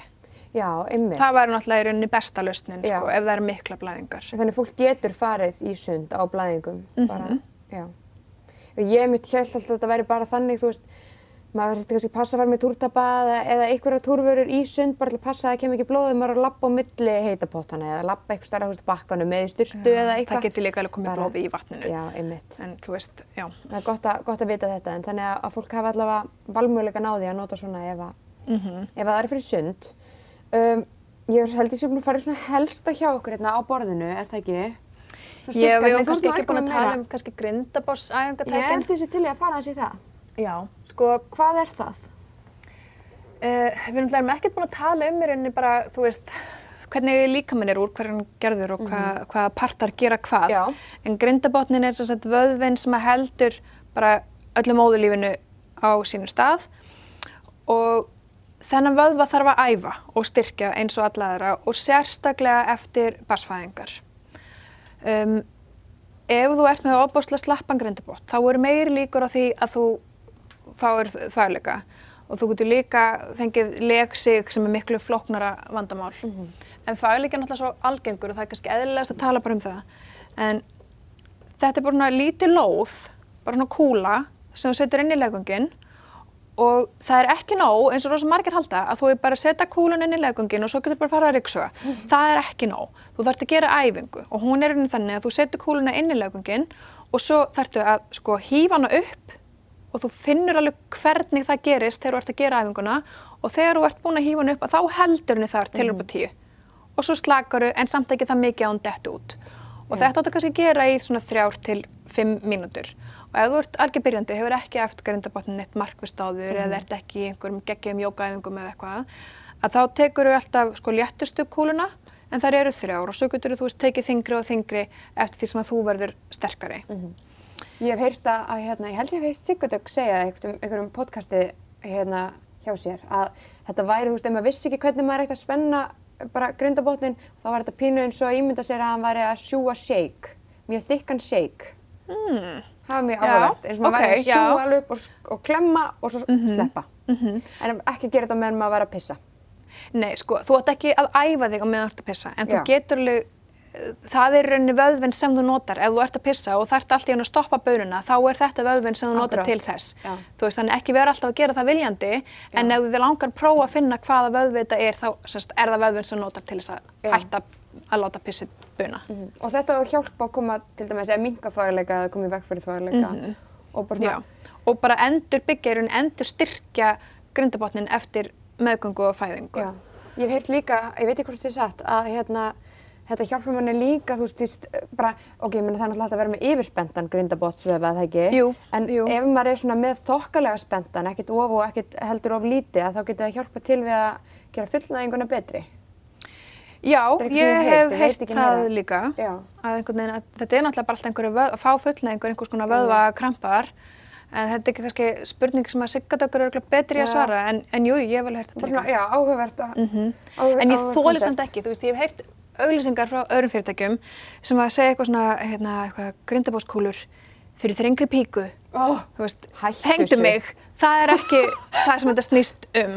Nú og gott akkur- kynlíf er ekki, ræðist ekki því hvort að píkan sé þröng eða ekki. Veist, Þa, það er Ó, ekki... Þetta er svo mikil umræð hjá ungum krökkum þú veist, að hérna, þröngar píkur séu bestar og ég meina, ef þú ert með of er píkur, það er líka bara, ég meina, ef hún er það þröng að þú kemur vallan einu fyrir, þá er það bara frekar eitthvað sársökafullt. Er það eitthvað sem að við hefum ótrúlega Mhm. Nei. mikið að leitast eftir að vera, að það er með ótrúlega þröngar píkur? Nei, og líka, ef, ef þú ert að stunda kynli með einhverjum og píkan er ótrúlega þröng, er það ekki bara merkjum hún er ekki að slaka á með þér, skilur Jú, stundum? að. Ég held líka að kannski sérstaklega hjá ungu fólki að það setja einhvers konar miskilningur. Þú veist, ef það er erfitt að koma tippinu inn, þá er það bara vegna þess að píkan er ekkert blöyt og hún er bara stressuð. Já, Þú veist, Það var- og það náttúrulega er ekki merkjum gott kynlíf fyrir neitt. Það var ung stelpa sem senda mig um daginn að það var, hérna, kærastinn er að segja við henni hún væri með svo lausa píku og það var sko miklu betra að stunda kynlífi með þröngum píkum. Hvaða skilabóð eru þetta? Ég skil bara ekki alveg þetta konsept, sko. Nei. Ég, fatt ekki alveg hvað, veist, hvað er eiginlega þröng píka, I don't get it. Nei, við erum hægt að tala um þetta svona, sko. Ok, allan, þetta er smá Eh, útidór. Já, þannig að hérna grindabótskúlur hægt að fá þær og þetta mismunandi stærðar, stærðir hjá þér? Sko stærðirnar eru, þær sömu, en þyngdin er mismunandi. Þú veist, Mm. þær byrja í 28 grammum og svo er 38 og 48 gramm, en ef þú hefur ekki markvist eftir grindabotnin, það byrjar alltaf í léttustu. Hversu langt upp eiga þær að fara? Uh, sko, þú byrjar bara að setja hana bara þannig að þú missir hann ekki.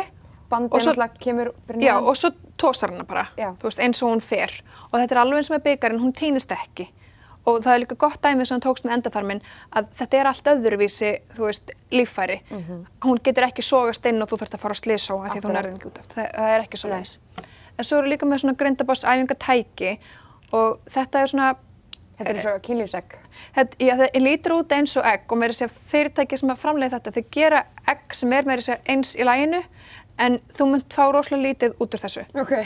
Um, en Er titringur í það, það þessu? er titringur í þessu, Ok. en hann er bara rosa, rosa léttur og þú stjórnar ekki í rauninni uh, taktinum. Eða þannig. Nei. Þannig að Um, þetta er ekki gert sem kynlífstæki? Þetta er ekki kynlist, þetta, þetta myndi vera mjög glata kynlist, ekki?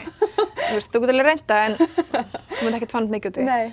Um, þetta tæki, þú setur það inn í legungin og það eru nemar hérna utanum það sem að mæla henni hvað sterk og þeir mæla og skynja hvað þú ert að klemma fast. Og þá býr það til svona rithmaprógram sem að hendar þeim styrkleika. Og þá víbrar það og meðan þú ert að víbra þá ert að gera æfinguna sem var mannstu að hífa hana upp og klemma. Og svo heldur og klemmir á meðan það er að víbra og svo slakar á. Hversu lengi á maður að klemma? Í hvers sinn? Tæki segir það, það er snildin. Já, Þú ok. klemmir á meðan það er að víbra. Þannig að það víbrar og allan tíman meðan það er að víbra þá ert þú að klemma. Ok. Þannig að munun á þessu og að nota bara svona venjulega kúlu að þá er kannski æfingin sem er svipuð að þá með þessu þá ertu með bara svona prógram. Mhm. Þú veist og þú þurft ekki að hugsa eða telja eða var ég komið þrjármyndu eða þú veist eitthvað. Já. Og bæði tækið og já tækið sko þegar á, ef að tækið nemur að þú ert búin að styrkjast þá eigur það í. Þannig að næst þegar þú myndir nota það þá myndi það bæta í prógrami þannig að þú ert þá að reyna að æfa meira og styrkja þig þannig. Það er eiginlegt að hafa eitthvað svona sem segir mann bara nákvæmlega hvað átt að gera. Mhm. Frekar nendilega giska ef maður er ekki viss eitthvað. Einmitt, eða er eitthvað að telja eða veist, eitthvað þannig. Þannig þetta er einu svipuð æfing, þetta er bara tæknilegra Ok. og bara sumfyrstægilegra. Ok. Og bæði eru alveg vassheld, sem er náttúrulega algjör snild af því að hvenær hefur þau tíma og hvenær mannstu eftir því að fara úr fötunum til þess að gera æfingarna þínar? Aldrei. Nei, nákvæmlega. aldrei Þannig- þetta í hug. Ég heyrði þetta frá bara viðskiptavinni, mér datt þetta ekki hug sjálf, en hún geymir grindabúrskúluna sínar bara í sturtunni og hún gerir æfingarna með hún niður í sturtunni. Þannig þetta er vassel, það má fara með þetta þangað. Já, líka tækið, þó það sé Já. batteri í þessu, það er Já. alveg, er alveg vassast. Er þetta endurklaðalegt eða þetta? Það er bara batteri. Já, Og það fylgir batteri með kaupir skil. það á leiðbenningar og allt svo leiðis. Ok, æðislegt. Getum við farið aðeins bara í grunninn sko á þessum, þessum, þessari blæðingaumræðu að þú ert með fræðslu um blæðingar og svona. Mhm. Af hverju fer maður á blæðingar? Ok. Um, Bara þannig við skiljum það bara algjörlega frá Já, grunni. Af hverju gerist þetta?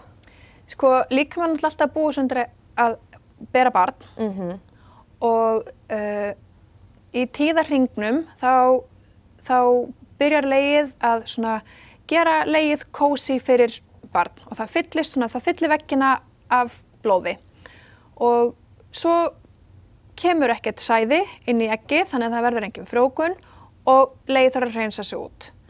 Þannig að það sem kemur út með blóðinu er ekki bara blóð, heldur líka bara alls konar annað. Það er alls konar smá svona vefur innan úr leginu og bara slím og útferð og alls konar meira sem að kemur með. Þannig að það í rauninni er Ok. túrblóðið. Ok. Hvernig er túrblóðið á litin? Það getur verið alls konar. Um, oft er það kannski í byrjun tíðarhengsins þá er það pínlítið dekkra. Uh, það þarf ekki endilega að vera sko eldrautt eins og að þú, þú veist, myndir skera þig og myndir sjá blóð úr fingrunum af því það er svo margt annað í þessu og þetta er líka ekki alveg ferst blóð. Þetta er blóð sem er kannski búið að vera og það er orðið svona gamalt, þetta er ekki bara beint úr æðinni. Um, stundum getur líka komið alls konar svona, og þú, þú sér það svo vel að þú nota byggarina, því þá mm -hmm. alltaf að styrta blóðinu út og þú sér hvernig þetta lítur út. En það getur verið svona alls konar svona eins og litlar svona, eins og svona litlar tæjur mm. í, í sullinu sem þú ert að að koma út. Og stundum getur líka komið svona stóri kekkir og það sem kallast blóðlifur og það er svona eins og bara jello og það getur verið alveg sko, þú veist eins og tíkall þetta fólk stóð að þess mis vegna. mikið af þessu? Já. Og ekkert allir? Nei, það fá þetta ekkert allir. Uh, ef það breytist, ef, ef þú ert ekki kannski vön því að fá svona blóðlifur, svona þessa kekki, þá myndi ég byrja að aðtöða hvort það gæti verið merki, eða hvort það gæti vanta járn. Ok, Svona blóðlifur geta verið merki um járnskort, ok. uh, en samt ekkert endilega. En það er rosa lítið mál að panta tíma á heilsugæslu og, og láta mæla hvort Ok. að þú sért góð í, í járni. En ef að til dæmis ég er ekki vun að fá svona klumpa og svo fara allt inn að koma, getur það ekki verið gott líka bara fyrir tjekk og aðtöða hvort það sé allt í góðu ef það er eitthvað svona mjög mikið eða eitthvað. Ég meina allar svona breytingar, ef það er engin sérstök ástæði fyrir þess að sé allt inn einhverja breytingar, jú, ég myndi Já. láta tekka á því. Er eina ástæðin sem ég þekki sjálf er að svona blóðleifur geta verið merki um Ok. járnskort, en þurfa samt í endilega við Já. það. En það er ekkert mál að láta tekka á því. En ég man sko bara þegar ég var yngri, ég man ekki eftir að hafa einhvern einhvern veginn haldið einmitt að túrblóð geti verið brúnt og það var nokkru ungi krakkar senda á mig bara, þú veist, það er eitthvað brúnt í nærbúsunum mínum, hvað er þetta bara og fólk haldið að þetta væri kúkur en Já, það er mjög algengt að þegar ólingar eru að byrja blæðingum að halda sér búin að kúka á sig, Mhm. hafa bara ekki fatta að fengi niðurgang og ekki fatta það. það, er, það er rosalega algengt. Já. Og er svo margt sem að gerist líka á blæðingum í bara, þú veist, sumar náttúrulega fá verki, Mhm. það er glatað. Uh, ef að verkirnir eru svona algjörlega bara lamandi þannig að þú bara getur ekki sinnt daglegum störfum þá skalt fara til læknis. Mhm. það, þú, það eru til sjúkdómar sem að valda svona óbáslegum verkjum akkurat, eins og polycystic ovary syndrome til dæmis. Um, Sumir náttúrulega verið ráöfnir og bara fá verki út af engu. Mm Ég var þannig, ég var ekki með neitt sjúkdóm, ég fekk bara lamandi verki, og pældi ég, einmitt, heyra bara, ég við getum ekkert gert því, svona er þetta bara. emmitt, og ég bara sá fyrir, þú veist, ég misti bara úr Já, í hverjum einasta mánuði. já, Þú það er hrikalegt. Þetta var bara viðbjöður. Um, svo er líka pínu kannski fyndið, en það er mjög algengt að prumpa meira já, einmitt. Já, Ég spurði ekkert um henni á fót Instagraminu bara túrskýta, am I right? Já. Það líka sko, nei og ég bæði heilt sko að fólk sem á blæðingar sé annarkvort með sko fá niðurgang eða þurfi oftar að kúka eða fá úr harlífi. mm Og þetta er bara eitthvað koncept, bara túrskýta, bara, já. og mjög margir sem tengdi mitt við þetta bara. Mhm. Það er bara einhvern veginn alls konar sem að gerist í Bara fullt af krömpum í líkamannum í gangi og bara, þú veist, já, einmitt. Þannig að það er alltaf lægi að prumpa meira á túr. Það er mjög algengt. Já, meina, svo er maður bara blótið, þú veist, mægin út þannig líka oft þegar maður er á túr og eitthvað svona. Mm Og það er einmitt svo fyndið, sko, sumar sem ég tala við, ef við tala um svona, sko, túrbumbuna sem er Já. mjög algeng Já. og vilja ekkert sem að þrengir að, vilja bara hafa svona lausar einhvern veginn þægilega nærböksur og þannig. En svo eru líka til fólk sem að vill, sko, eitthvað sem að svona heldur við. Mm. Við vorum eins og með sölu svona aðhaldstúrnærböksur, Ok. þú veist sem að eitthvað sletta magan og sumar voru að kaupa þær að því að vilja svona stift yfir þegar sem bara þægilega fyrir þær. Já. Það veist þannig að það er alls konar til í Ég get ekki hugsað mér þessu. að hafa eitthvað þröngt yfir magan þegar ég er á blæðingum, sko. Það En það er til. Já, áhugavert. Ert þú eitthvað að nota eitthvað svona hérna túr-app eða eitthvað í símanum? Ég gerði það bara uh, í rauninni áður, ég er, ég er hætt í núna, en Já. ég gerði það sko eiginlega sem hluti af getnaðvörn Já. og líka þú veist þegar ég síðan ákvaða eignarspöld til þess að vita hvernig ég væri með gloss. Já, já, já. En núna, uh, að því ég er alltaf í túnarböksum, ég, ég reyni að fara aldrei í venlega nærböksur af því þá bara fer ég í fílu, að þá, já, það Já. kemur bara þegar það kemur Já. og þú veist það skiptir einhvern veginn engu máli, þú veist. Einmitt. Ég er búin að heyra bara fólki kringum með lofsingja þessi túr-app og annað, býtu, það var Clue og svo Mhm. Já. Flow sem ég er búin að heyra góða Já, hluti ég heyri mest um þau. Já, það er alveg sniðugt að því að það margt kannski, þú veist, kannski vilt ekki taka pilluna en vilt samt vera, vilt ekki verða ólétt, að þá getur svona aðeins reynd að fylgjast með, þetta er náttúrulega ekki örugt, en þú getur alveg aðeins vita hvenær þú ert með gloss. algjörlega, ok. Um, svo fæ ég rosa oft bara frá sérstaklega ungum stelpum sem að eru kannski síðastir í vinahópnum að byrja blæðingum og alls konar svona, þú veist, er eitthvað að mér, okkur byrja ég ekki blæðingum og alla vinkonum mínur eru byrjaðar. Mm. Og ég, ég reyna að minna einmitt unga stelpur á það bara, hei, þú veist, reyndu bara að njóta þess, á meðan þú ert ekki að byrja. Já, Þú veist, það er ógslag næs að vera ekki á blæðingum. Nei, en það kemur náttúrulega sá tími og svo aldur sem þú ætti kannski að leita til læknis ef þú værir ekki. En er það ekki frekar kannski bara einmitt eftir s- 16 ára, í kringu 16 ára aldur? Ég er búin að heyra að það sé algengast að Já. byrja á milli 10 til 15 ára. Mm Uh, sé alveg hægt að byrja fyrr og setna. Já. En hvernig myndið þú segja að maður ætti kannski að fara að kíkja það? Ég myndi svona byrja að spá eða kannski 15 ára. Ég, ég held að Sigurdök hafi talað um þetta aðeins í kæftaðum kynlíf bókinni Ok. Og það var kannski snið þá líka fyrir foreldra, þú veist að kíkja í þá bók og, og fylgjast með, þú veist ef að krakkin er ekki byrjað ára 12-15, þú veist það gæti verið eitthvað að, Já, þú veist það gæti verið til dæmis einhverja af þessum sjúkdómum sem náttúrulega valda alls konar. einmitt. Ok, gott við mig. Nei og líka bara þú veist að normalisera það að fara til kvennsvöldumlæknis. Veist, hva, hvað það er mikilvægt bara að maður pæli svolítið einmitt í sinni píkuheilsu eða sinni kynfæraheilsu bara almennt sé og veit einmitt að maður getur farið í tjekka ef það er eitthvað sem breytist eða maður veit fá eitthvað staðfest eða eitthvað, Já. þá er þetta í bóði. Já, og ég meina stundin getur alveg verið nóg, þú veist, eða segjum að til þess eitthvað sem breytist bara í blæðingunum, bara eins og við vorum að tala um svona þessa kekki sem geta komið út. Ef að það allt í hennu breytist, veist, þá er kannski alveg nóg að byrja bara að tala við heimilisleikni eða fá einhver smá leiðbendingar, þú veist, bara ekki leita til Dr. Google, það er alltaf vond hugmynd, Maður er alveg sama ef er.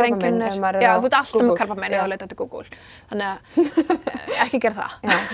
Þú veist, eða bara tala við einhvern. Já, Þú veist, flestir hafa einhvern í lífinu sem þau getur tala við. Það er ekki endilega vera foreldri. nei, Þú veist, endilega voru gott að þau getur talað við fóreldri en, en flestir hafa einhvern og það, ef það er eitthvað svona sem að breytist varðandi bara píkuhelsu, já, Já. Ekki, ekki halda að það sé eitthvað sem hún megir ekki ræða. Veist, og ef það er enginn í nánustu fjölskyldu þá kannski bara ringja á læknavaktina eða Algjörlega. einhvern svoleiðis.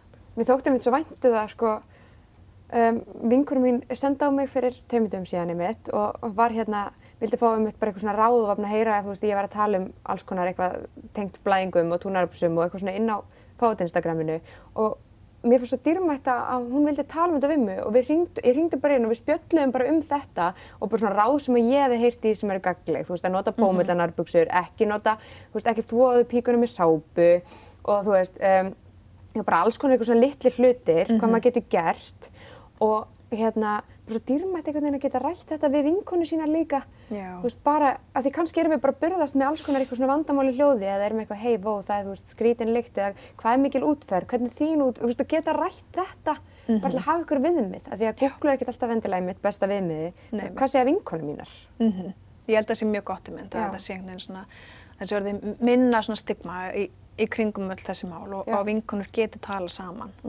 það er kannski gott fyrst að skrifa ef eitthvað er að. Algjörlega, geta leitað þanga. mm og það er hérna annað með bara einmitt hvað blæðingar geta breyst mikið við alls konar hluti sem er kannski gengur í gegnum, þú veist bara einmitt að fæða barn í gegnum laugöng eða að fara í, þungunaroff og svona. Hvað það getur einmitt breytt líka túrverkjum eða magni blæðinga eða bara blæðingum á einhvern hátt. Já, það, það getur alveg gert það. Já. og það getur, verið, það getur tekið alveg langan tíma að komast aftur inn í sína rútínu e- eftir eitthvað svona eða kannski sko, ef að blæðingarnar hætta en þú ert ekki ólétt að þá er líka ástæði til þess að, að tala við einhvern. Þú veist, það getur verið alls konar, það getur verið kannski bara eitthvað meira átt að stress. Þú veist, eða það getur verið að þú sért ekki borða. Þú veist, þá ef þú ert ekki borða og þú hættur blæðingum þá ertu komin á svolítið hættulegan stað í lífinu. Já. Og þarft að tala við einhvern En einmitt bara þessi hlutir geta haft mikil áhrif, einmitt líka bara stress, þú veist, að það getur senkað blæðingum, hvað Mhm. Stress getur blæðingum, líkamlega já. áhrif á mann, maður átti Já. ekki alltaf á því, sko. Já, það, það getur gert það Við heyrtum mitt frá hérna, fólki sem heldur að það sé orðið ólétt og er Mhm. ógst að stressa yfir að vera ólétt þannig það, blæðingarnir byrja ekki strax að þessu stressa yfir að geta verið ólétt einhvern veginn, Mhm. alls konar svona um, Einn spurning sem ég fekk er betra að vera búin að stunda kynlíf áður en maður prófar svona byggara, túrabyggara sko sumum finnst það kannski auðveldara að því þá er þetta einhvern veginn, ég veit ekki, kannski bara komin að það stig að þú kant betur á líkamann en það er ekkert því til fyrirstöðu að nota byggar þó þú sett ekki búin að stunda kynlíf. Ekki og þá bara minni gerði líka einmitt ef að, Já, ef byrja bara á byrjandabyggarnum og það er í rauninni ekkert aldurs takmark þannig per se en það er það sem ég heyri oftast er að kannski að krakkar eru að prófa kannski kringum 13 ára Ok. að nota byggarinn Já. en það þýðir ekkert að allir 13 ára séu tilbúinir veist, það er bara einstaklingsbundið. Algjörlega. Og ef þeir finnst eitthvað óþægilegt að setja, þú veist, er inn einhvern aðskota hlut inn í píkuna, þú ert bara ekki komin á þann stað í lífinu, að þá notar bara turnarbúsnar. Og það er sjúklega þægilegt. Ge bara get ekki dásam það nógu mikið. Þetta er algjör game Já, changer. 100%. Ég held ég minni aldrei hægt að nota, nota þetta. Um, annað sko varandi það að geta rætt uh, blæðingarna sína við mömmu sína, um, þú veist, eða foreldri, tölum bara foreldri, um, að eins og einsendi hérna ég er ekki byrjuð á blæðingum og ég er rosalega hrætt því ég þór ekki að segja mömmu það. Og ég held að gildi bæði hvort maður sé, heldur að maður sé byrjaður eða ekki byrjaður. Er þú með eitthvað svona ráð hvernig maður getur byrjað samtali við foreldri sitt um Hvað- eitthvað tengt þessu? Þannig að öll sambönd eru misjöfn en hvort sé eitthvað sem maður getur Ég er einnig ekki með neitt svona icebreaker þannig, en veist, ég fæ oft, sko, til mín mæðgur oft, þar sem að mamman er að reyna að draga stelpuna til mín, bara hvað sjáðu, hvað þetta er sniðugt, sjáðu, sjáðu, þú þarft að fá svona og, og krakkin alveg bara, gæt, ekki gera þetta. Vil ekki vera hérna." Nei, en þau getur kannski alveg tala við, þú veist, mig eða þig, Já. bara ekki mömmu. Já, veist, og ef að það er bara staðan, að þá, þú veist, þú, bara, þú bara getur ekki fengið til að tala um þessa hluti við mömmuðin út af hvaða ástæði sem það er, að þá bara tala við einhvern annan. Þú veist, það er oftast einhver, einhver annar, en minn auðvitað best að byrja á fóruldrunum. Já, en mér langar ógslag til dæmis að tala um fólöldur mitt. Þú veist, er þetta ekki bara svolítið eins og rífa af plástu, bara ég held ég sé byrja á blæðingum eða ég veit ekki af hverju, veist þú af hverju mamma eða pappi eða eitthvað svona? Ég held að flesti fóruldrar eru bara rosalega gladir og myndi bara þykja óbúslega vænt um það Já. að krakkin bera þetta tröst til þeirra. Algjörlega. Þannig að Og kannski ég mitt líka mikilvægt á fóreldramegin, ef það er fóreldrar hlusta á podcasti, ég mitt líka bara ef að barnið mitt leita til mín og, og er að segja mér, herri, ég held ég sé byrja á blæðingum, ekki byrja á blæðingum, að mitt bara, þú veist, takk fyrir að treysta mér, eh, fyrir að vilja leita til mín. Já, en þá getur líka kannski, ef, ef að þú ert foreldri og, og þú finnur fyrir því að úlingurinn bara, þú veist, vill ekki tala við þig, Já. að þá bara benda á í rauninni eitthvað annað, þú veist, benda á, þú veist, Instagramið þitt Mhm. eða Sigurdögg eða við erum líka á motiboti.is þá erum við með bara svona tab sem heitir fróðleikur. Já, og það er alls konar, þú veist, sem er hægt að lesa. Já, og bara svona búa þig undir þetta. Já, þú veist, sambönd og samskipti er náttúrulega bara alls konar og, og ég það, það. ég held að fóröldarnir verður bara svolítið að finna út í en það er gott að vita allan um þessa resursa. 100%. Sem er hægt að benda á. og líka bara einmitt mikilvægt fyrir fóreldrarna að þeir vita það því að ég held að ungu krakkarnir séu oft rosa fljótir að leita sér upplýsinga og vita hvað Mm, þeir að leita. já, og með einmitt. fóreldrarna oft bara, heyrðu, hvað er maður að byrja, sko? en ég hef verið með fyrirlestra fyrir þú veist, það er til dæmis í svona saumaklubbi sem að byrjaði sem bumbuhópur hérna fyrir mömmurnar. Og svo náttúrulega bara líða árin og nú er allir krakkarnar orðin 12 ára. Þannig að þá kom ég semst inn í þann saumaklúbb og, hérna, og krakkarnir með þú veist, að þær eru allar að vera 12 ára þú veist, og þá var þetta svona auðveldara andrúnsloft af því þetta var ekki bara mamma að tala eitthvað, oh my god, mamma látt mig friði. Þú veist, heldur var þetta bara svona stór hópur. Og einhver annar spyr spurninguna sem að kannski þú þarfir ekki eða Já. þú veist. Þannig að það getur lausnið, þetta er bara panta Það bara fræðslu frá einhverjum. Já, eða, fá, eða byggja fóreldrafélagunum að panta fræðslu inn í skólana. Einmitt, fóreldrafélagin getur gert það. já, Já, þú veist, annarkvort sem ég er eða frá þér eða frá Sigurdögg eða þú veist, einhverjum af því það er oft þægilega kannski svona í hópi algjörlega. en ekki bara eitthvað heima. Bara mamma er mætt hérna. Tala um Nei. einmitt, ég skil, algjörlega. Um, það er svo margt svona í kringum blæðingar sem ég bara átta ekki svona á. Ég fara kannski meira bara, þú veist ég byrja alveg frekar unga blæðingum og núna er maður fara svona að læra meira mitt bara hvaða líkamlega og andlega áhrif blæðingar hafa á mann. Og eitt sem ég fann svo áhrif sem ég svona eiginlega nýfarin að spotta að til dæmis bara daginn fyrir blæðingar og daginn fyrir blæðingar verð ég bara massa þunglind Já, veistu, það, það er svo nógu af því talað um þetta. Nei, því þetta er svo, það er líka að þetta er ekkert eitt fyrir alla, þú veist, það getur verið svo alls konar, þú veist, einkennin sem að fólk finnur fyrir þegar byrja blæðingum eru svo, þú veist, rosalega misjöfn já, og þú veist, mér man, ég sé, þú veist, 300.000 svona teiknumyndir, þú veist, það sem að ef við erum að gera grína því að, þú veist, konun er bara eitthvað skælu, skælu, skælu og veit ekkert af hverju, af hverju hata ég þennan, af hverju þessi Já. ömulegur og svo allt í henni byrja blæðingum, á, ok, nú skil ég. já þetta er bara real Já. ég er bara að læra meira og maður meira bara hérna að læra að lifa með þessu, kannski halda dagbók Já. og skrifa bara, þú veist, hérna inn í, þú veist, merketíðarhingin og á, þá eftir einhver tíma þá getur fundið eitthvað svona tempó, Já. þú veist, kannski færðu alltaf fyrirtíðaspennu eða kannski verður alltaf ókslega gröð þegar þú ert með eglós. geggja ná að benda á þetta Já, og þá kannski færðu svona að fatta þetta. kannski appin líka virka vel þarna Já, og þá er alltaf gott að vera með einhvers konar app eða ég minna þess að bara skrifa það inn í dagbók, þú veist, ef ef þú vilt ekki að nota svoleiðist. Og þá ferður líka að sjá, þú veist, að tengja saman einkennin og segjum kannski ef að hérna, þú ert að reyna að nota náttúrulega getnaðvörn, þú veist, vilt ekki nota pilluna eða, og langar ekki að nota smokkin eða þú veist hvernig sem það er svo kannski bara finnur alltaf fyrir því, bara hvað döllir í óksla gröð ah, já, einmitt Ég Ég já, ég er hérna með eitthvað. núna. Já, þú veist, akkurat. Eitthvað. En það vil líka bara hjálpa mér þegar ég náða að fatta bara, heyrðu, þetta hlýtur þetta þunguldi sem ég er að fá þetta í hverju mánuði, þetta hlýtur að tengjast blæðingunum mínum Mhm. og þegar ég er þá í mómentinu, er ótrúlega þunglind og þú veist, bara líður ótrúlega illa að þá að, að ná að benda það í mómentinu, þetta hlýtur auðvitað því, Einmitt. það lætur mig líða, ég verð róleri Já. þegar ég get Þá og þetta það er ekki bara- ástæða. Já, Já. Það er svo gott að geta bent á ástæðina og svo er, kom, kemur blóðið það er maður bara, ah, ok. já, nú skil ég. Já, en bara mm Mhm. geggja einmitt að halda eitthvað svona og ná að sjá einmitt, ok, hver eru mín einkenni að þeim þau geta verið eitthvað allt önnur. Um, eitt sem ég langar líka að ræða það er með sko umræðina sko, aftur bara þetta með hérna bíómyndir og það er oft bara svona, óh, þessi er svo dramatískur og hún er á túri eða leiðilega, lala, Mhm. en þeir eru oft notað gegn, hérna, sérstaklega einmitt konum sem eru á blæðingum, veist, hvað er það túri eða? Þetta sé svona sagt sem eitthvað svona, svona leiðilegt, eitthvað svona, Mhm. Þetta er ógæslega hallast að nota eitthvað svona sem eitthvað svona diss. En samt, þú veist, eins og þú ert að segja, kannski bara ertu með ógæslega mikla verki Já. og þú ert að reyna að komast í gegnum daginn og svo er bara eitthvað fáiði, bara sem gerir eitthvað fáiðalegt, þú veist. Menn og þú ert að díl, reyna að díla við daginn, en samt að drepast úr verkjum og það bara er ógæslega eðlilegt að verða bara dröllu pyrruð. Já, en það sem ég finnst líka svo fyndið er að þetta er oft sagt bara án þess að fólk veit eitthvað hvort ég sé á blæðingum eða ekki. Ég maður til þess Já. eftir þessu í grunnskóla að þá er þetta bara, djöldu pyrru, hvað ertu að túri eða? Já, einmitt. Þú veist, og- það er nei. ekki, ekki rétt að vera pyrruð bara Já, út af einhverju já, öðru. einmitt, kannski varst þú bara dickhead og ég er að bregðast við því þannig, skilur Mhm, já. Nei, nei, það, hlýtur að vera sé að eitthvað- um. Já, ég en þetta er sko rosa áhvert, ungar stelpur spyrum oft, hvernig get ég svarað þessu þegar ég fæ eitthvað svona komment? Já, við þurfum að hugsa það. Við þurfum að, við þurfum að, hugsa velta þessu fyrir okkur. já. Ef það er einhver, að hlusta á podcasti sem eru með góð svör við þessu, Mhm. endilega látið okkur örnir vita því að við erum alveg til í að spread the wisdom bara lengra. Ég er ekki með neitt, ég er ekki með neitt bulletproof svar Nei, þetta er áratuga hérna, lang að kjaftaði. eitthvað. Já, við finnum eitthvað. Um, ég er með svolítið meira hérna, já, það skiptir máli að kenna strákum meira um hvað blæðingar eru venjulegar. Mm. -hmm. Þú samanlega þessu? Já, algjörlega. Já. Blæðingar eiga ekki að vera engamál hvenna. Þetta er bara hluta lífinu og bara það að vera með leg eða vera kona og fara blæðingar eða hvernig sem þú skilgrunni það, það er bara hluta lífinu. um, þegar ég er með fræðslu þá er ég alltaf rosa glöð þegar það eru strákar líka. Þú veist, mér finnst það gott að sjá að þeir séu bara, uh, kannski bara forvötnir Já.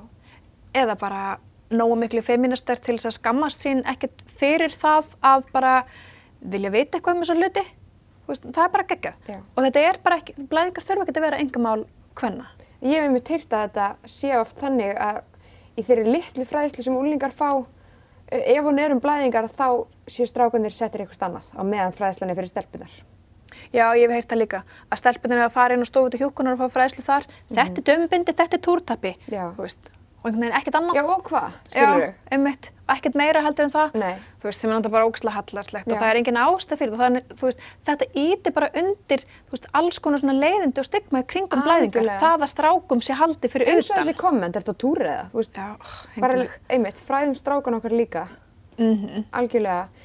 Bara svona kannski að lokum, einmitt með þetta, með, með opinni umræð um blæðingar. Hvað heldur þú, þú veist, að, einmitt, ef við höldum áfram að tala um þessar hluti og að fólk upplifi, heyrðu, ég þarf ekki að díla ein eða eitt eða eitt við eitthvað svona, já, við mín, mitt vesen eða mín vandamála eitthvað. Hvað heldur svona að opin umræð um blæðingar myndi gera fyrir samfélagið? Sko, ég kannski hugsa þetta svolítið meira út frá svona, þú veist, þessum praktísku hlutum. Að ef að, ef að kallar færu líka á blæðingar, þá uh, myndi þess að vera ekki kosta svona mikið. Ég hugsa að það væri líka auðveldara aðgengi að þeim. 100%. og við getum ekki látið kallmenn fara á blæðingar en við getum reynda að involvera þá inn í umræðina og að þeir fatti þá líka, eða þú veist, ég meina auðvitað vita þeir alveg, skilur í, inn í höfðinu um hvað þetta snýst allt saman. En þeim finnst einhvern veginn eins og kannski ofta að þetta bara komið mikið við eða eitthvað, þetta sé bara svona fyrir konur eða eitthvað Já. En ég held að það þurfi einhvern veginn bara allt, allir svolítið og allt samfélagið að vera svona aðeins meira með, þú veist, að þetta á ekki vera einhvers konar luxusvara sem að sumir geta keift og sumir ekki. Nei, einmitt. Og ég held að það væri ekki svoleiðis ef að, ef að kallar færi líka blæðingar. En við þurfum aðeins að ræða meira um þessa hluti. Hvar er hægt að bóka þig á fyrirlestur? Eh, Það er bara allar upplýsingar inn á motibody.is. Það er bara að senda mér e-mail, bara á info.motibody.is og þá bara finna út úr því. Og það er hægt að panta vörnur hjá þér bæði á netinu. Á, hvernig er þetta tímum COVID? Eh, Það Eitthvað- er bara búið að vera fínt, ég menn fólk hættir ekki að fara á blæðingar í samkominbanni, þannig að það er bara fínt. En það er alltaf hægt að panta sérst á motibody.is, bæði buksurnar og byggarna og alla þær vörur. Uh, Það er hægt að koma að sækja í sambúðina eða fá sendt heim og við erum með fría heimsendingu ef þú veslar fyrir 10.000 krónur eða meira og annars kostar heimsendingin, eh, ég man ekki hvað var þúsund kallið eitthvað sem er minna heldur en það kostar, þú veist, við borgum með sendingunni. En svo vorum við að bæta við hérna, þú veist, þú getur fengið ef þú kaupir bara tvö stykki sem að þá komast inn um lúuna að þá getur þú fengið að senda heim sem svona eins og bref sem er það óreikjanlegt en, en kostar miklu minna. Ok. en svo líka náttúrulega að sækja í sambúðina. Og svo líka sniðið ég hef heyrt stundum að hérna, fólk út á landi það kannski hópa sér saman Já, þú panti og þetta- saman. já, panta bara saman eina pöntun þannig, að- þannig að sleppa þá í rauninni við sendingakostnaðin Ok. Gott að vita að það sé option. já, Ertu með ykkur skilabóð til þeirra sem eru að fara að byrja á blæðingum? bara láta vaða beint í bregunar besti heimi, Yes, yes girl. Takk fyrir að koma. takk fyrir að bjóða mér